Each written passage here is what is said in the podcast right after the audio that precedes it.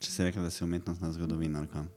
Ja, zato ker vsak dobi samo tri, um, te, Tri pluske. tri naslove. Dobiš, ne? Tri pluske. Ja, in nisem. Je bi ga. Bi dala stran uh, neki. E, kaj? Ja, vzega. Pol bom čist nekredibilna, če dam to. Oj, oj. A je, kako sem pa jaz kredibilen? Um, tri, um, kam imaš dva primka. pa ker imaš tri kafetjere. Lepo pozdravljeni. Poslušate kritiški posed. Posladek, posladek, Pozdravljeni vsi skupaj, dobro jutro vam želiva. Tole je druga epizoda kritiškega posetka oziroma posladka na vašo željo in zahteve ponovno v obliki podcasta. Z vami sva ponovno urednik, umetnik in pisec Jrnej Čuče Gerbec ter likovna kritičarka, kuratorica in umetnostna zgodovinarka Maša Žekš. Tokrat snemava v Ljubljani, ampak govorila bova o razstavah dalec stran in sicer o novogoriški razstavi v galeriji Gong in pa kontra na drugo stran preko Kure o dogajanju v Celskem centru sodobne umetnosti, natančneje likovnemu salonu in galeriji sodobne umetnosti.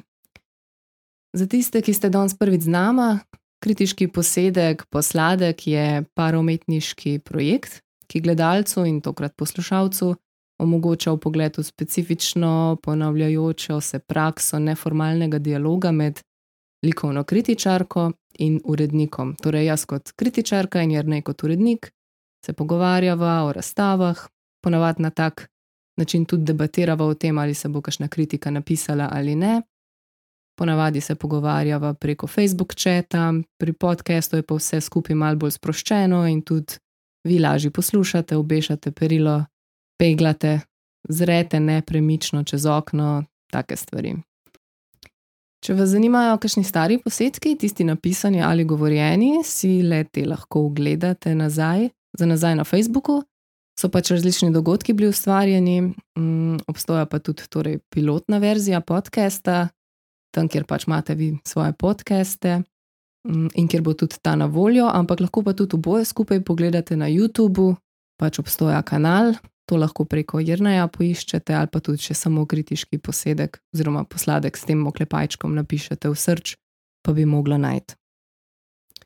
Torej, um, vsak od nas je obiskal eno razstavo, potrudila sva se, da se ta nahaja izven Ljubljane, da vse skupaj malo bolj. Um, Da vse skupaj malo zintrigirava in mogoče povabava k obisku ostalih institucij, jer njej je izbral razstavo v svojih koncih, jaz sem pa skočila v cele. Tako da mogoče bi kar začela, jer naj boš spet ti prvi, mogoče naslednjič zamenjava ta vrstni red. Ja, uh, jaz sem bil tokrat spet v Gongu, se mi zdi, da počasi postajam nek redni gost te galerije v Novi Gorici. Moram reči, da um, z vsakim obiskom me nekako malo bolj um, privabi, oziroma ratuje ljubša. Uh, Zanimivo za tiste, ki, niso, ki ne poznajo Gonga in ne vejo, kje je. To je v bistvu srčiki Nove Gorice, direkt nad fotostudijem, enim starejših v Novi Gorici. In simbolično, čeprav nima nobene povezave, uh, pogosto, um, raz, um, pogosto razstavljajo fotografske, fotografska dela, oziroma gostijo fotografske razstave. Tako da je zanimivo, da se nekako ujamejo, čeprav nima nič skupnega. Kako pa je to daleč od mestne, Od mestne Galerije. kaj. od mestne galerije? Um, Tiste, ki pa mogoče jo vsi poznamo, napram Gongu. Tri minute peš. Aha. To je mestna galerija, je izven strogega centra. A ja. ja, mestna galerija je tam zraven narodnega gledališča, to je pa prav, prav na Delpinu, oziroma tam Aha, čez Bevkova park, čez park, Čez bolj park. noter. Aha. Okay. Pa na tisti centralni košček življenja v Novi Gorici. A, tam, ko so lokali, pa to tudi. Tako ja, se. Med enim in drugim lokalom. Um, tokrat je bila razstava v bistvu presenetljivo uh, fotografa iz uh, Friulija in mislim, Furlanije in Julijske krajine. Uh, to je Enzo Tedeski. Uh, naslov razstave je Kraj in kraj. Gre za v bistvu že uh, nekoliko um, izkušenega fotografa oziroma umetnika. Rojen je bil leta 52, Uh, začel je fotograf, fotografijo v bistvu razstavljati in delati nekje v poznih 70-ih, pol je neki cajt to počel.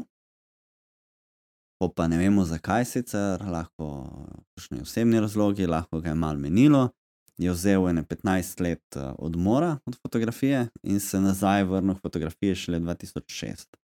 Na razstavi Kraj in kraj imamo v bistvu ta kasnejša dela. On je seveda, če je rojen 52 in delal v poznih 70-ih, torej fotograf, ki je navaden delati v analognem slogu, je že svoj cikl, ki je bil podoben temu, kar, smo, kar vidimo na tej razstavi, že takrat počel v analognem, analogni tehniki.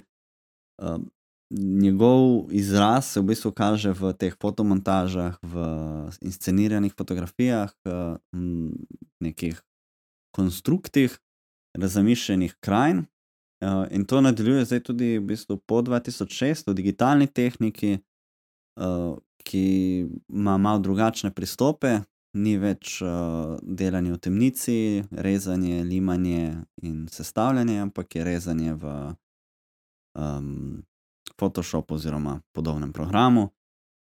Um, tako da gre za pravzaprav. Uh, zanimiv pristop za nekoga iz tistega cajta. Predvsem danes smo navajeni na fotomontažo, v tistih časih je fotomontaža bila čisto nekaj drugega, ker je zahtevala čisto svojo specifiko. Ja, jaz sem prav prebrala, no, da je v bistvu on um, iz papirja izrazoval torej figurice, pa neke makete je delal, pa razne predmete uporabljal in pol jih je nekako po mizi zložil in pol to slik fotkal. Uh mhm. -huh. In je kao nastala neka veduta, neka krajina, full velika. Uh Mhm. -huh. um, to bi v bistvu ne še pasalo v ta digitalni Photoshop, ne, ampak analogni. Ja, analogno še montažo. Da, analogna montaža. Mislim, se so, pri analogni montaži se je v bistvu zelo veliko načinov, kako sestaviti fotografijo. Lahko se greš eh, 2D, plosko, izrežeš, sestaviš, lahko pa narediš tudi kombinacijo. Nekaj fotografij je tudi nastalo v kombinaciji tega, da se v bistvu naredi neko fotomontažo, potem se fotko sprinta, se nekaj postavi pred to fotko, se spet pofotka, da bi spet plos, ploš, ploščato podobo. In s tem se je dalo včasih dosti igrati. Danes je to mogoče zahteva drugačen mindset, je mogoče po eni strani lažje, po drugi strani zahteva pač do zelo dobro poznavanje digitalnih urodij, tudi zahteva mogoče bolj um, slikarski pristop do neke mere, zato ker določene stvari se seveda da zrezati, ampak pol na koncu pademo že skoraj v digitalno slikanje. Tako lahko v bistvu iz neke fotografije z malo spretnosti, z neko tablico, grafično narediš res karkoli. Sej to videvamo tudi zdaj v filmih, pogosto samo narejeno v premikajočih se podobah. In te na razstavi so izključno digitalne. Eh, Na razstavi, kot sem jaz zastopal, so izključno digitalne. Uh, to sem nekako tudi vidiš uh, iz samih printov, to je mogoče tisti minus na razstavi, ker seveda priješ na razstavo, pogledaš vse slike, razstava lepo, mm, taka, lepo teče v bistvu, kako so postavljene fotografije, vse je dost eh, monolitno, uh, vse pa še skupaj, imaš en tak sistem, potem pa začneš gledati detajle, ne, postopiš bliže k fotografiji in gledaš, kako je zadeva natisnjena in opazuješ uh, ta v bistvu um, gran, granaturo. Jaz sem že študiral, če je mogoče, zato ker je starejši fotograf, na razstavo sem šel brez, da bi se kaj prebral kot ponavadi. Sem študiral, če je to mogoče analogno ali digitalno, ampak potem, ko začneš gledati, kakšna je ta granatura, vidiš te uh, tipične JPG artefakte, kar se meni zdi, da mogoče malo oduzame od vsega skupaj. No, ko smo glih pri tem, no, jaz sem te prav uh, hotela vprašati. No, uh, zdaj za nekoga, ki se pač tudi načeloma tako drugače ukvarja s fotografijo, oziroma ti je fotografija kar blizu, vsekakor bližje kot meni. Ne? Ko greš ti na fotografsko razstavo, na kaj bi rekel, da si najbolj pozoren? Ne? Ali pa mogoče, uh, kaj je, če je razlika med tvojim fokusom glede razstave ali posameznih del, če greš ti na neko multimedijo ali pa na neke slike, In če greš, ali pa če greš na fotografijo, ali pa, ne, ali pa recimo celo v galerije, ki se pa prav s, fotko ukvarjajo. Ne. A v bistvu pristopaš kako drugače. Jaz, na primer, imam pogosto težave s fotografijo, ker je tako specifična, pa mi ni tako blizu kot medij. Um, pa če gre za kakšno dokumentarno fotografijo, še posebej um, si težko dovolim, da bi zdaj nekaj pametovala. O tehniki ne, sploh ne, ker se ne spoznam dovolj, ne, pa nisem, ne bi znala oceniti tega, kar si mal prej povedal. Vsebinsko pa tudi, ne, fotka je fotka, ne, kako ti to razumeš. Meni je fotka ful zanimiv medij, zato ker uh, zdaj smo post, post, post, vse živo, zdaj imamo vsi fotoaparate v žepih, fotkamo vsega, izpostavljeni smo milijon podobam na dan, res uh, dovolj je, da si vzameš dve minuti na Instagramu in si zasičen s toliko fotografijami, ki jih včasih mogoče nisi videl v deset, ne, v treh letih.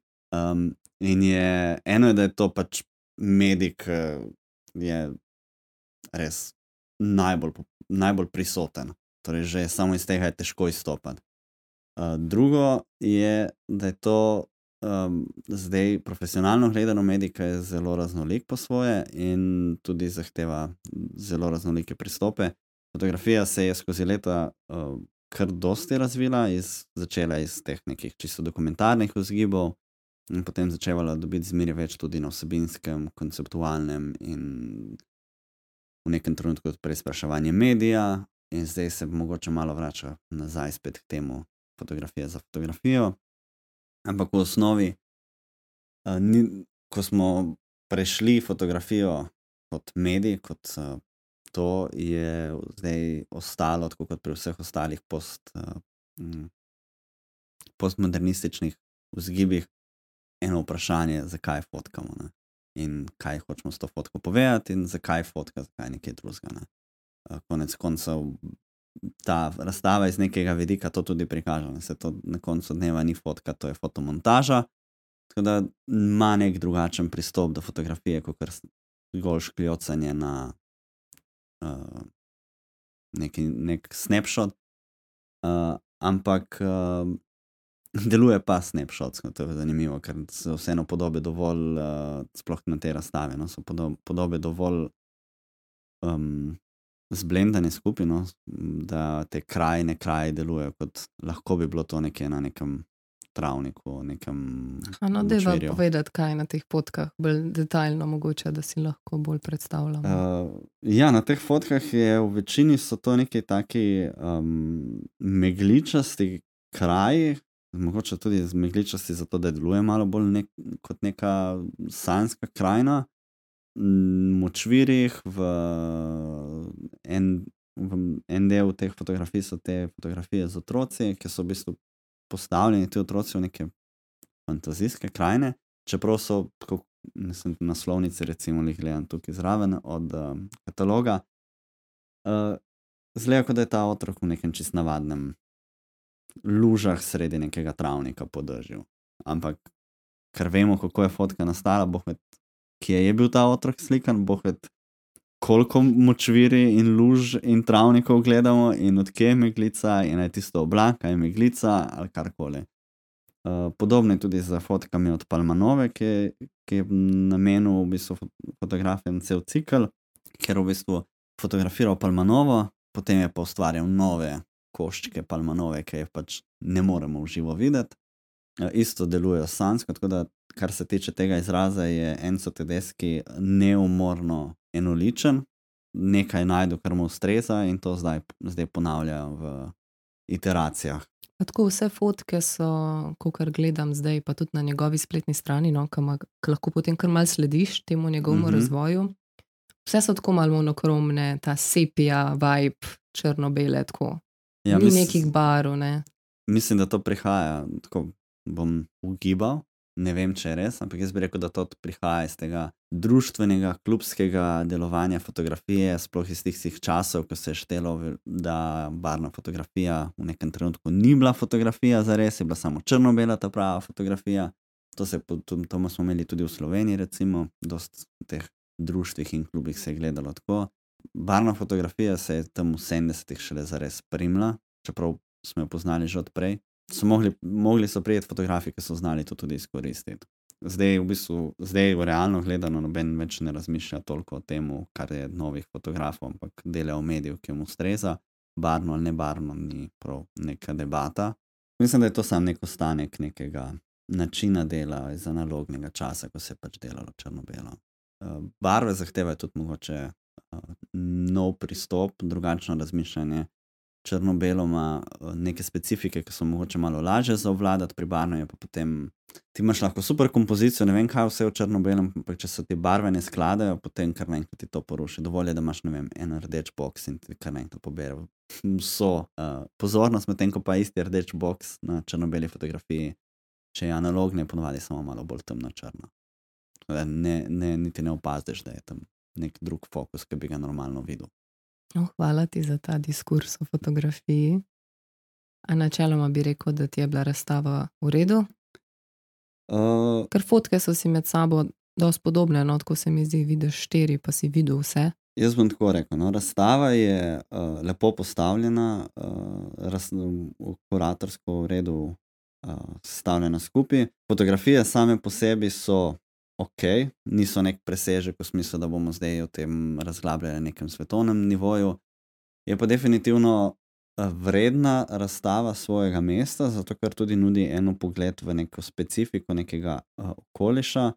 Razstav, mislim, da lokalnih umetnikov je tako ali tako premalo, in mislim, da za razumevanje globalnega, uh, globalne scene je, potreb, je tudi prav, da razumemo lokalno sceno. In iz tega vidika mislim, da neko tako opismenjevanje uh, gledalcev v ne Novi Gorici nekih, z nekimi umetniki, ki so dobesedno par korakov čez mejo, uh, se mi zdi zelo primerno. No?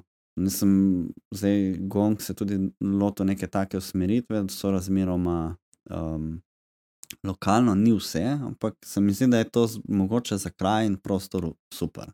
Ne bi pa, ne, ne, ne bi pa pričakoval, zdaj recimo, tudi ko sem šel na to razstavo, nisem pričakoval, ne vem, da bom zdaj videl neke, neko zvezdo fotografsko, ki bi jo gledal nekje v, na Dunaju. Z štirimesečno postavitvijo in ne vem, 300 plus fotk, ne vem, ali pa Helmut Newton, recimo, ki je bil v Berlinu. Pač ni, ni to tako, kraj ima tudi galerija, ni, ni, namen, ni tako velika, da bi bila za take fotografe. Tako da mislim, da je, kar se tiče tipa galerije, primeren izbor. No.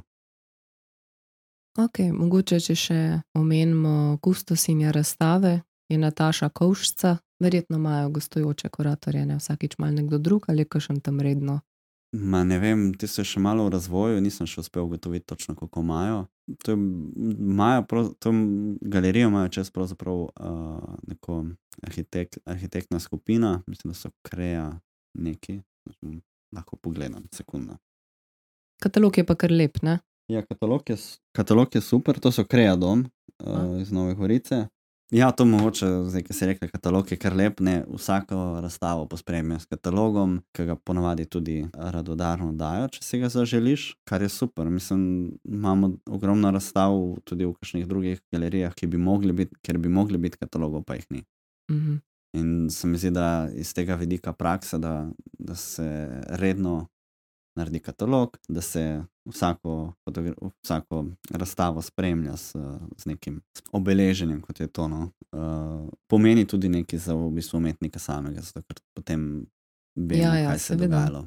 Jaz mislim, da um, bi kar predlagal komu, če še se zanimamo, kdaj, kdaj točno. Vmes so razstavo podaljšali, to sem opazila na njihovi Facebook strani. Sam mislim, da se je to že da Zaključilo, je to ne? s septembrom, se, da je konec. Ja. Ja.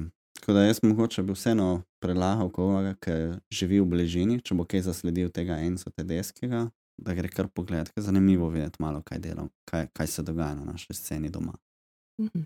Uh, mene pa zanima pravzaprav, kaj se je dogajalo v celju, kaj si, kaj si videla. Jaz sem si v celju pogledala dve razstavi in sicer uh, premiero 2022, to je peti trienale mladih umetnic in umetnikov. Letošnji podnaslov se je glasil Performativnost, interakcija, proces. Torej, to je v galeriji sodobne umetnosti. In pa razstavo, um, avtor je bil Miguel González Cabezas z naslovom Zombi, ki hodi naokrog, življenje in kapital. To pa je bilo v likovnem salonu, torej 200 metrov na razen sta, si te dve galeriji, tam je tako vse na kupu. Um, in če bi začela torej kar s tem trienalom, prejšnja, uh, prejšnja, torej ta premjera, vedno je premjera naslov, prejšnja je bila leta 2018, še prejšnja 15, torej trienale, torej ponavljajoči se na tri leta. Predvidevam sicer, da zaradi korone ta letošnji zaostaja za eno leto, ne? če zračunamo. Zelo možno. Če zračunamo, ja, po Zelo mojem, možno, zaradi ja. korone. Na razstavi se predstavlja 20 mladih umetnic in umetnikov, ki naj bi si šele utirali pot na umetniško sceno. In um, te tako imenovane premjere se zgodijo prek razpisa, torej umetniki se prijavijo s svojimi projekti in potem žirija naredi izbor, uh, se naredi skupinska razstava in tako. Kaj pomeni mladi v tem primeru? Ja, zdaj mladi vemo, da zelo radi razsipavamo s to besedo mladi in je umetnik mlad do 40, ne? ampak glede na to, kdo je razstavljal, jaz mislim, da so pretežno mladi, po moje tako do 35. Okay. Sam tako, zato ker je to tak. Um, Ja, ja, vsi so mladi, dokler niso mrtvi. je tak relativen pojem. Ja, ja. Različni različno dojemajo mlade. Ja, v tem oziru, v smislu, utirajo pot na umetniško sceno, tam je bilo kar nekaj umetnikov in umetnic, ki pač so že kar v redu, uveljavljeni in redno razstavljajo, tudi samostojne. Tako Čigava produkcija praviš, da je bila to dejan- galerija sodobne umetnosti ali je bilo to produ koprodukcija s kom drugim? Jaz mislim, da to prav ta center sodobne umetnosti celje organizirano. Zdaj, prva tale premjera se je zgodila leta 9, 2009 in zdaj njen glavni namen, če citiram, je bil, da, da bi najmlajši generaciji ustvarjalk in ustvarjalcev omogočili pogoje za profesionalno institucionalno predstavitev, strokovni in širši javnosti pa bi ponudili v nove avtorske ideje in umetniške prakse, ki izstopajo po formi in konceptualni umestitvi. V glavnem predstaviti neke nove mlade umetnike, po možnosti s kakšnimi svežimi projekti. Ja, sodeč po katalogu je to, tako kot si ti rekla. Uh, denarno je pa podprla in Ministrstvo za kulturo, in uh, mestna občina celja. Tako Da, in tudi lokalna ja. podpora. Zdaj neka skupna točka oziroma um, te pristopi k praksi zdaj izbranih projektov naj bi bila neka procesualnost in performativnost, premišljanje objekta in prostora ter interaktivnost umetniških vsebin. In ta proces v kombinaciji s performativnostjo se kaže v kar nekaj delih, no, ki v bistvu nekako zahtevajo emancipiranega gledalca. Torej, dela so interaktivna in se v bistvu nekako uresničijo v obliki umetniškega dela kot takega, šele potem, ko ta obiskovalec interaktira z njimi oziroma je aktiven. E emancipiranega gledalca ali korajžnega, ki si upa šlatati stvari.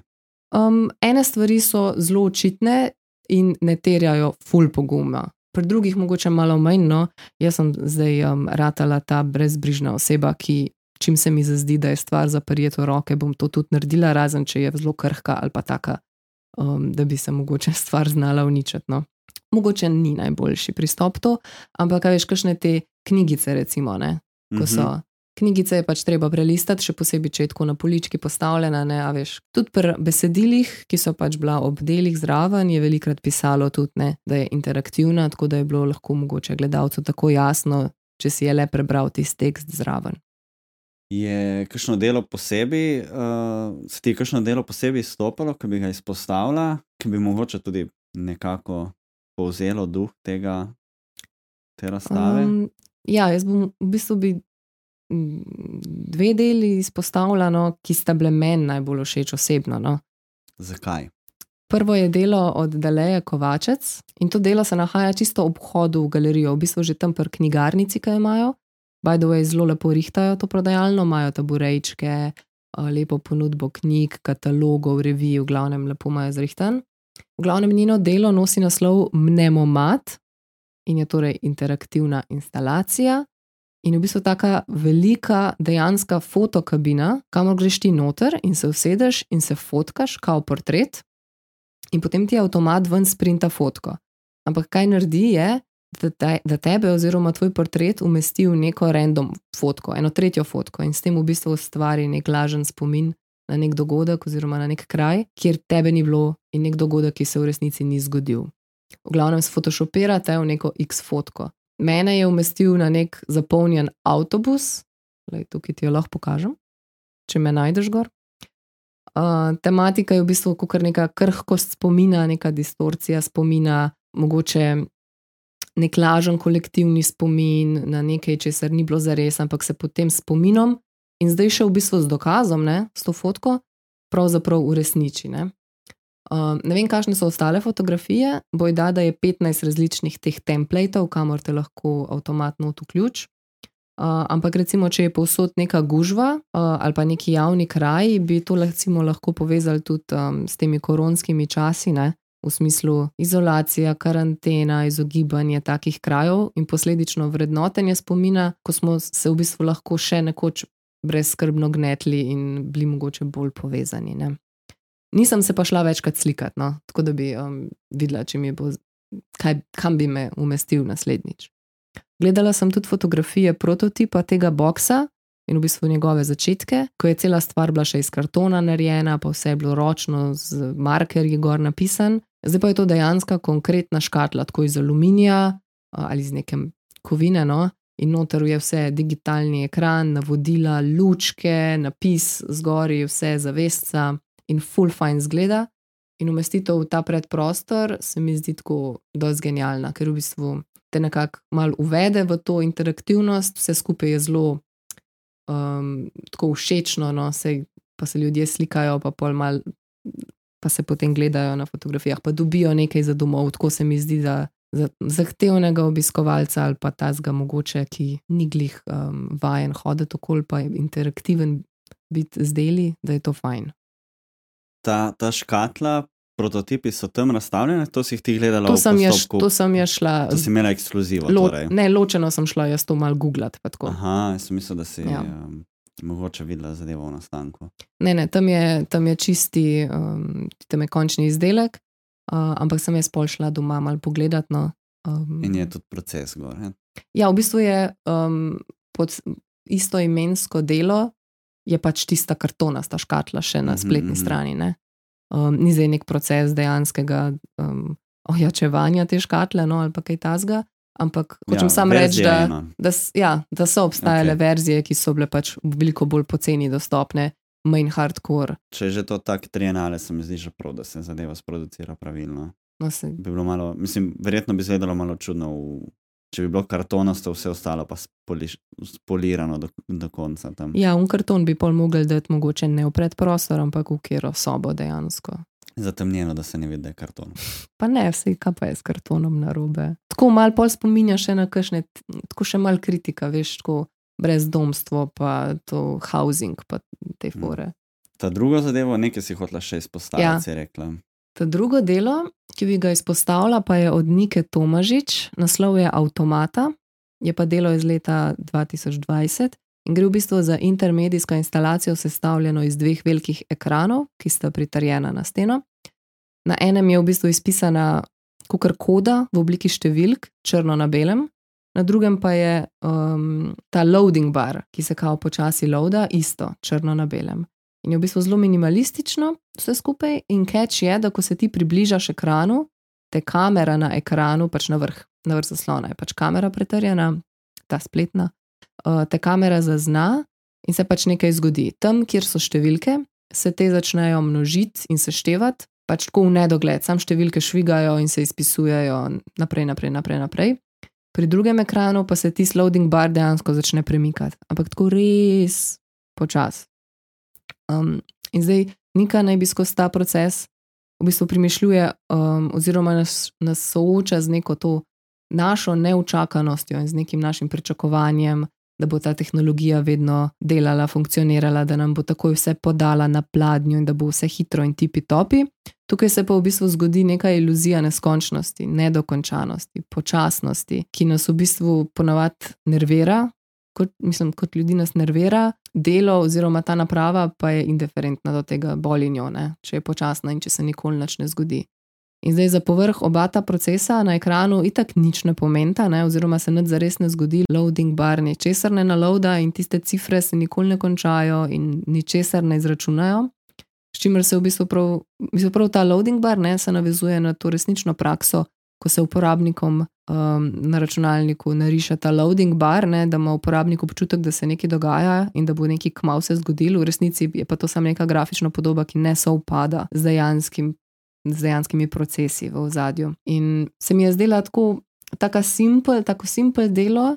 In tako direktno, povedno in fajn, ker se ti pač dejansko zgodi tam na licu mesta um, s, to, s to neočakanostjo in to. Recimo, problem je samo, da moraš res blizu ekrana stopiti, ne, da se ta kamera prvič zazna. In potem moraš biti res pozoren, ne? še posebej pri tistem loading baru, ker se res počasi premika. A si počakala do konca?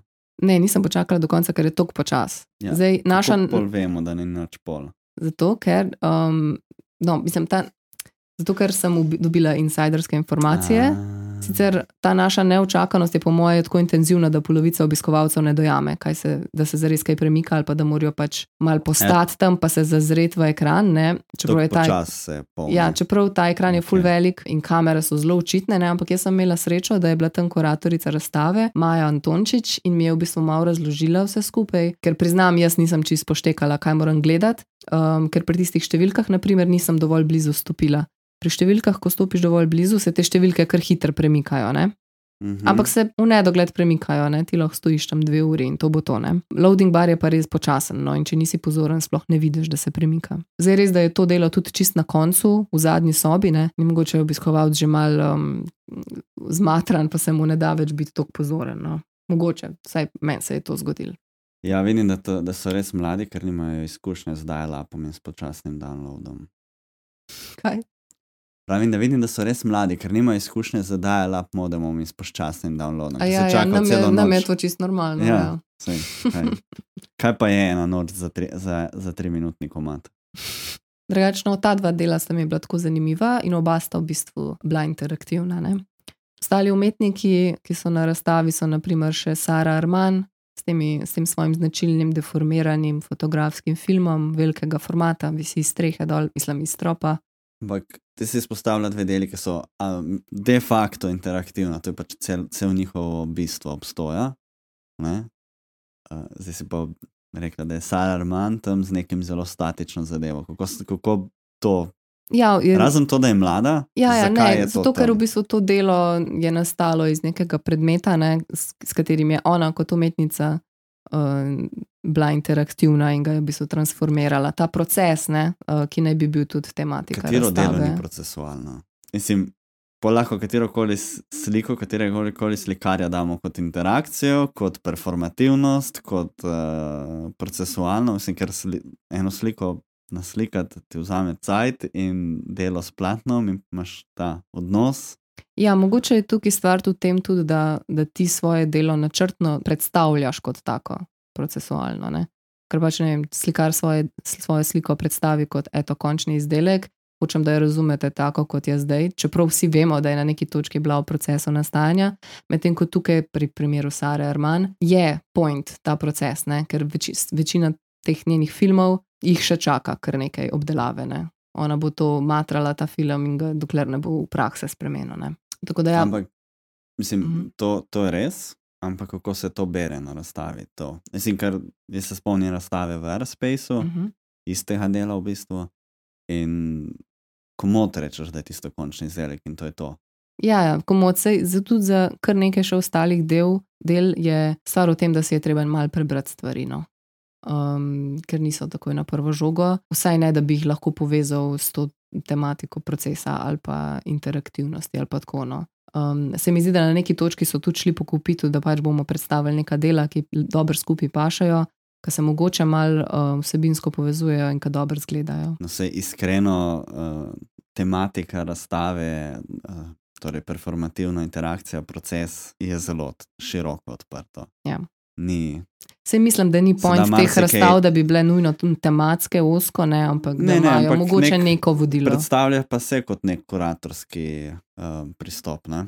Je konec koncev gre za nek odločitev zadnji. Zdaj, če, če vsako odlo arbitrarno odločitev postavimo pač z nekim skupnim imenovalcem in je to pač to, ne vem, če smo potem upravili neko kuratorsko delo, neke izbire, neke predstavitve nekega koncepta. Ne? Ja, ne vem, kakšen imajo proces dela, če se mogoče najprej odločajo, kera tematika bi jih zanimala in na podlagi te izbirajo dela, ki pridejo preko To razpisa. bi bil nek normalen kuratorski proces, če želiš Ja. ja. predstaviti nekaj. Sama veš, pol, če ti dobiš na razpis neke stvari, ki jih je v, tem, v tej tvoji ideji težko skupaj poklopiti, ne mogoče je, gre stvar tudi v kontrasmerne. Mhm. vidiš, kaj dobiš, vidiš, kaj ti je všeč, kaj bi bilo vredno, in pol improviziraš, kaj bi mogoče lahko nalepo na vse to. Pol se, spraš, pol se vprašam, ne, če je to neko, um, nek razpis, ker ti dobiš dela, za katero ne veš, kaj bo. Ne? A ne bi bilo bolj smiselno potem reči, da je tvoj proces predstaviti potencijalno mlado umetnost, pa se ogneš temu, da se greš neko kuratorsko povezovanje, ki ponovadi bi bilo ravno obratno. Ne bi rekel, če, okay, če zdaj želimo neki, neko tematiko predstaviti, ki jo opazimo.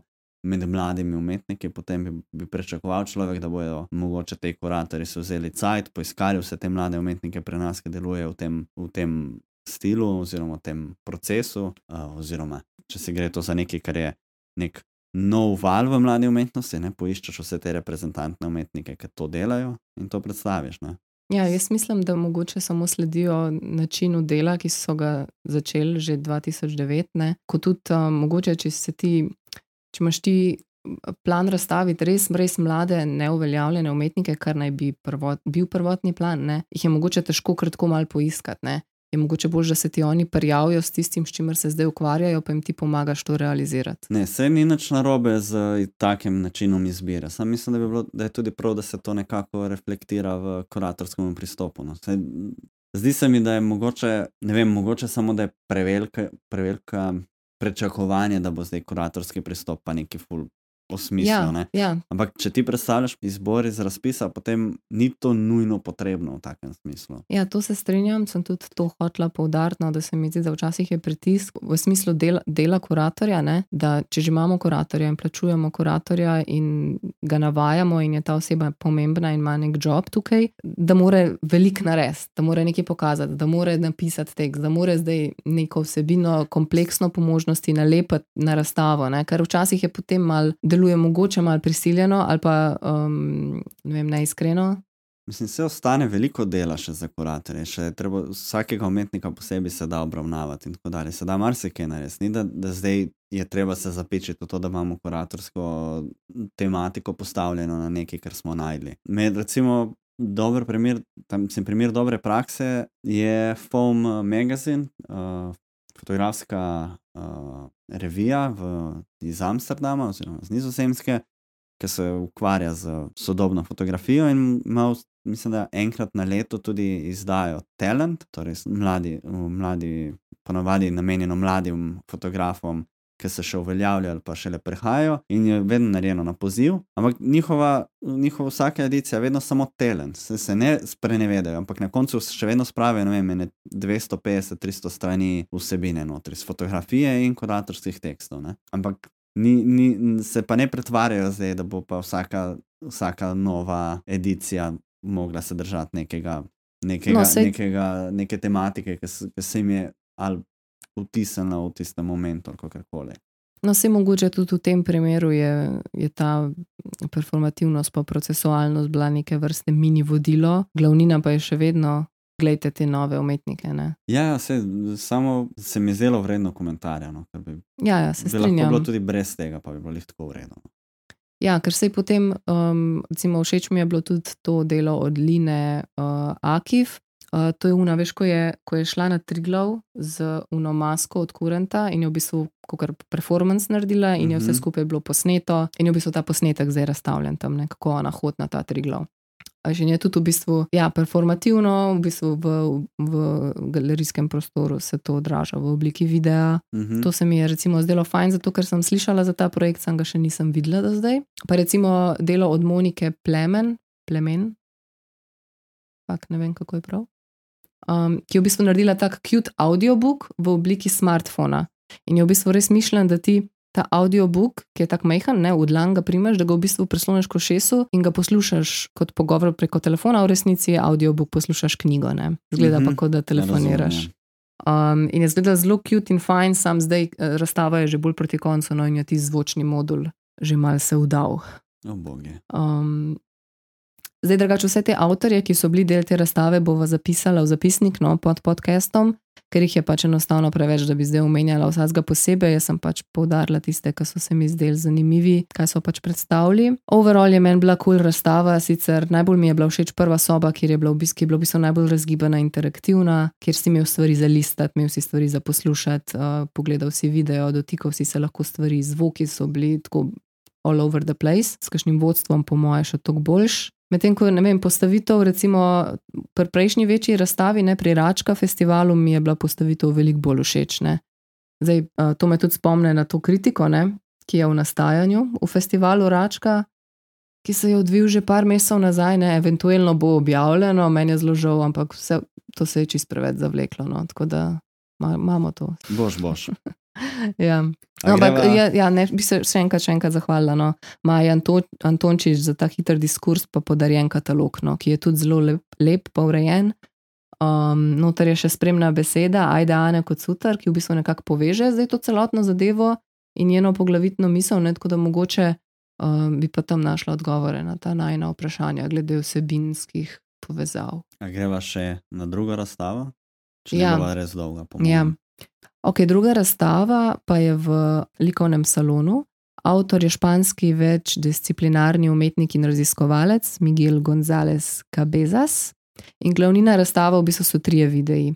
En je bolj performativen, drug je kot nek dokumentarc, in tretji je kot nekakšno predavanje. On se v glavnem ukvarja s problematiko globalnega pojava krize povezane s sistemom finančnega kapitalizma in nekako vse skupaj prenese na metaforo zombija. A ne tudi naslov ima noter zombi in to. Uh, in tisti video, esej predavanje, v bistvu tam on govori o tem, kako se mi kot vedno večji zombi samo koloni kolonializiramo in komentira sodobne dogodke in kapitalizem v bistvu označ za nek, kot za nek virus. In zraven so naprimer reference na film World War Z in potem primerja Brad Pittovo ravnanje, Brad Pitt igra v tem filmu.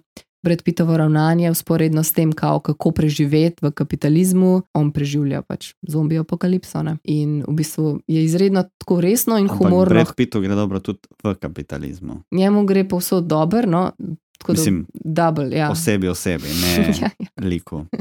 V bistvu, ja, in to predavanje on tako zelo resno in humorno hkrati izpelje, no, malo tudi depresivno. In izpostavi tudi primere, recimo protestov, kjer se pogosto uporablja metafora teh smrti, pa zombijev. Predvsem v Sloveniji. Ja, ne, pač kao to duševno in psihično mrtvi, uničeni, a kot delovna sila še vedno v pogonu za nekoga drugega, ne, v glavnem um, zelo ekonomsko-družbeno orientirano in zelo zanimivo. Ne. In v bistvu je bil prav ta video, no, ta kaj, poglavitni, ta glavni video, takoj na sred, ko prideš noter v prostor, imaš za sedeti in da ga pogledaš, pa ni slušalk, pa nič, ne, tako da ga lahko normalno poslušaš. Uh, je bil v bistvu prilagojen za slovenski prostor. Ne. Um, v bistvu vmes razlaga dejansko o teh protestih, ljubljanskih, ki so bili, mislim, da leta 12, ko so dejansko krste naredili, pa so nosili maske in so bili protestniki uh, v zombije napravljeni. Ampak to je bil kot odgovor takrat. Janez Janša je oklical vse te protestnike za zombije in pol je bil odgovor na to, in zdaj imamo pač. Uh, sicer mogoče uh, bi tle še opomnil, ne, da zombi, tako podobno kot recimo robot, v, ki, se, ki se je pojavil v literaturi kot primer avtomatizacije oziroma primer tega delavstva, ne, sej tudi sama beseda robot izhaja iz dela. Uh, zombi pa ima tudi svoje konotacije no, na, na več drugih reči, recimo na to, da na tujce, drug arhetip človeške oziroma druge naše strahove. Uh, med drugim je tudi zdaj z primerom uh, pandemije, ki smo imeli. To lepa paralela med zombi apokalipso in uh, pandemijo. ne. Vča- v- vsi, se, vsi smo se smejali filmom, kako ljudje ne razumejo zombi apokalipse in ne znajo, se ne znajo odmakniti od teh počasi se premikajočih nemrtvih stvorov, ki te spremenijo v ne, nemrtve. Z pandemijo se je pa izkazalo, da imamo velik problem z sledenjem zelo preprostim navodilom, bi tako rekli. Uh, tako da zombi imajo tudi svoje konotacije, svoj, svojo, svo, svojo, um, svoje prikazovanje druge plati človeštva. Ja, on, um, no, če zdaj omenim ta drug video, ki je tudi na razstavi, pa v bistvu govori bolj o tem španskem kolonializmu in suženstvu in o tem, kako, v bistvu, um, kako se zombi kot tak sploh rodi, oziroma kako nastane ta dehumanizacija, delo, suženstvo, podrejanje, dajanje v usodo in podobno. Mm, Nekako proces zombifikacije in kako si na podlagi rase kapital podreja življenje, ne? kako um, upravičuje in fura naprej eksploatacijo. In v bistvu to vse naredi nekako na primeru španskega umetnika Murilla, mislim, da celo ime je Bartolomej Esteban Murillo, on je bil španski baročni slikar. um, za katerega se je izkazalo, da je v bistvu imel sužnja v kleti, ki mu je pač po noči dokončeval slike. In v bistvu je potem cel video um, nekako sestavljen iz številnih, mislim, iz vizualnega materiala in različnih kolažov. In je zelo zanimiv, sicer je malo dolg ta video. Je narativ in vizualno, je na, tako da ne rabiš nujno slušalko uporabljati, um, ker so podnapisi tudi. No. Drugač pa ja, ta povezava zombija in propada sistema v smislu neoliberalizma, kapitalizma, izkoriščanja, mrtva podjetja, konzumerstvo in podobno, ne, uh, tako zelo pogosto uporabljena metafora, bi jaz rekla. Uh, jaz sem se pač takoj spomnila na ta um, na Snyderjev film Zora živih mrtvecev, ne, kjer je v bistvu spet podobna stvar, mogoče bolj uh, orientirana na, na konzumerstvo in to maso in tako. Je zanimivo, da resnici v zadnjem času je velik porast zombi filmov in serij. Ja, spet jih je zelo veliko in to in tako niso nujno več um, to neke slabe grozljivke ali kaj tasga, ampak so pač neki resni, ja. visoko produkcijski. Meni je všeč, ker v zadnjem času se je zgodil ta zasuk zombija kot nekoga, ki je dru karata drugačen, ampak je še vedno v resnici člo človeški. Primer take serije je iZombie, kjer je ta Liv More, hm, Pans, uh, uh, ki je rata zombi, pač neka zadeva. In ona živi svoje življenje naprej kot zombi, in je še dosti drugih takih v družbi in predstavlja to nekako razumevanje te drugačnosti. No. Kar mhm. mogoče včasih bilo bolj enoznačno, je bilo vedno samo zombi. Zombi bed. Zombi bed, zdaj pa zombi je mogoče še vedno človek. Da, Pogosto je ta raba, kot ta alien... alienacija. To, ja, to. Odtujenje. Um, ja, napram ne, ne, nekomu tretjemu, nekomu, ki ni isto dovolj človek kot ti. Ne, ne vem. Ja, pač druga pravim, rasa, je... migranti, eh, revni, ja. take stvari, bolni, ne? bolni, recimo zdaj ja. v pandemiji, ko smo gledali. V angleščini pojem othering, ne, oziroma other, po našem je bilo drugi, ali ja. tretji, če hočeš. Uh, ja, definitivno zelo dober arhetip, ki v bistvu ne da zgublja na moči, ampak se celo razširjuje in dobiva globje pomene, kot jih je mogoče imel. Ja, in prav ta umetnik, no pa pol na stenah so še neki miselni vzorci, kjer on to vse veš, uno. Uh -huh. Charlie iz Always Sunny scena, uno, cel, cel, uh -huh, uh -huh. cel sistem si tam nariše in tako. tako da, za razliko no, od une prve razstave je ta razstava še kar nekaj časa na ogled, tako da jaz toplo priporočam, no, da si greste to ogledati. Pa i tak, trije videi so, ne, pa si vzameš pol ure, pa pogledaš vse. Um, se po moje res splača. Ja, um, mava še kakšno zaključno misel, mogoče. Zdaj, če tako gledam, imamo tri razstave, ki so popolnoma drugačne. Ja. Like, ko noč in dan, in ne vem, kaj je to tretje. Nimamo. um, ne, jaz ne bi noč več um, preveč dolgo vedel. Kaj ostaja sploh še odprto? Karkoli, kar bojo lahko ljudje videli, ko pridejo v podcasti. Ne, ne. Ja, tale, te zombije ta, bodo še. Pejte gledati zombije. Po. Ja, to bo še. Bo žal. Ne. Ne, mislim, odvisno odkot grejo. Aha, to je zdaj ta kot Mišelinove zvezdice.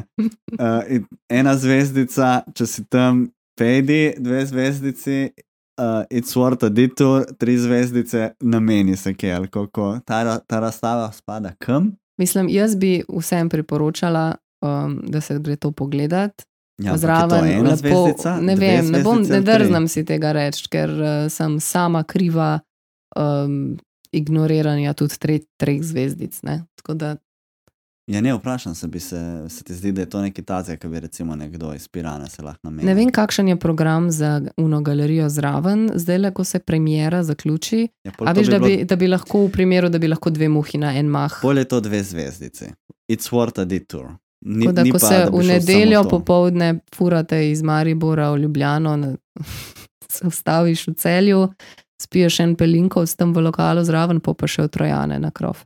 Ja, to še cel uh, izlet. Pa mal se sekiraš vmes, ker kontributaš k temu. Ja, ne, če greš s biciklom. ja. Super. Si hardcore, hardcore biciklar in je to to. Sej, čak, kaj si rekla, Maribor, celje, trojane, pa dam. Koliko kilometrov je sploh to? Ful preveč za en dan. Ne? Ne vem, se ne vozim s biciklom tako daleč. Pa jaz imam bicikl iz leta 2005. Ej, uh, folk, ki se fura z biciklom, povejte mi, povejte nam, koliko smo svalili te dnevne ture. A bi šlo to. Jaz sem veš, če greš ti v, v nedeljo popovdne iz Maribora v Ljubljano, ker pol delaš v Ljubljani cel teden ali pa živiš v Ljubljani, imaš ponovadi kufre s sabo. Ej, ne vem, mogoče to sem neka taka sobotna finta. Greš za en dan. Ma, veš, lej, če pa to ni super kombo, malo se natelovadiš, malo se destuješ na kulturi, greš na kulinariko in še pris, ne prispevaš k ogličnemu odtisu in prispevaš k vsaj dvem lokalnim ekonomijam. Ampak meni se fulkrat niti z avtom ne da tega narediti. Se ne za take lenobe, kot smo mi, Ja, za tiste, ki so carje, pa se furajo s kolesom. mogoče najna demografija, ciljna publika je, moramo malo to prilagoditi. Mogoče eden. No, drugače, jaz sem hotela sem še omeniti, da um, kje sem še bila. No? Um, bila sem v dobri vagi na tej razstavi Zebu, to je nek berlinski duo, gre za gostujočo razstavo, take neke drzne kompozicije, močne barve na tankih ploščah. Um, na lesu se mi zdi, crka A4 format, zelo cute. Um, naredila sta tudi mural na steno, zgleda super, pejte pogledat. Um, pa že v začetku poletja sem obiskala Beneški bienale, o katerem bova pa kakšno rekla naslednjič. Ne? Ja, jaz sem videl polovičko, tako da Ja. drugo polovičko pa še moram. Tako da stay tuned, ali kako že. Še enkrat bi se zahvalila Urški Bajec za izposojo opreme. Bi še kaj dodal? Ne, mislim, da je to to. Jaz bi se tudi zahvalil Urški in nič. Se vidimo naslednjič. A si me najdu na tej sliki, Mhm. Sej, da se krvitja. 1575, ne vem česa. Pozabil sem predstaviti na, na minute, ne, vem, ne bi zdaj tekal.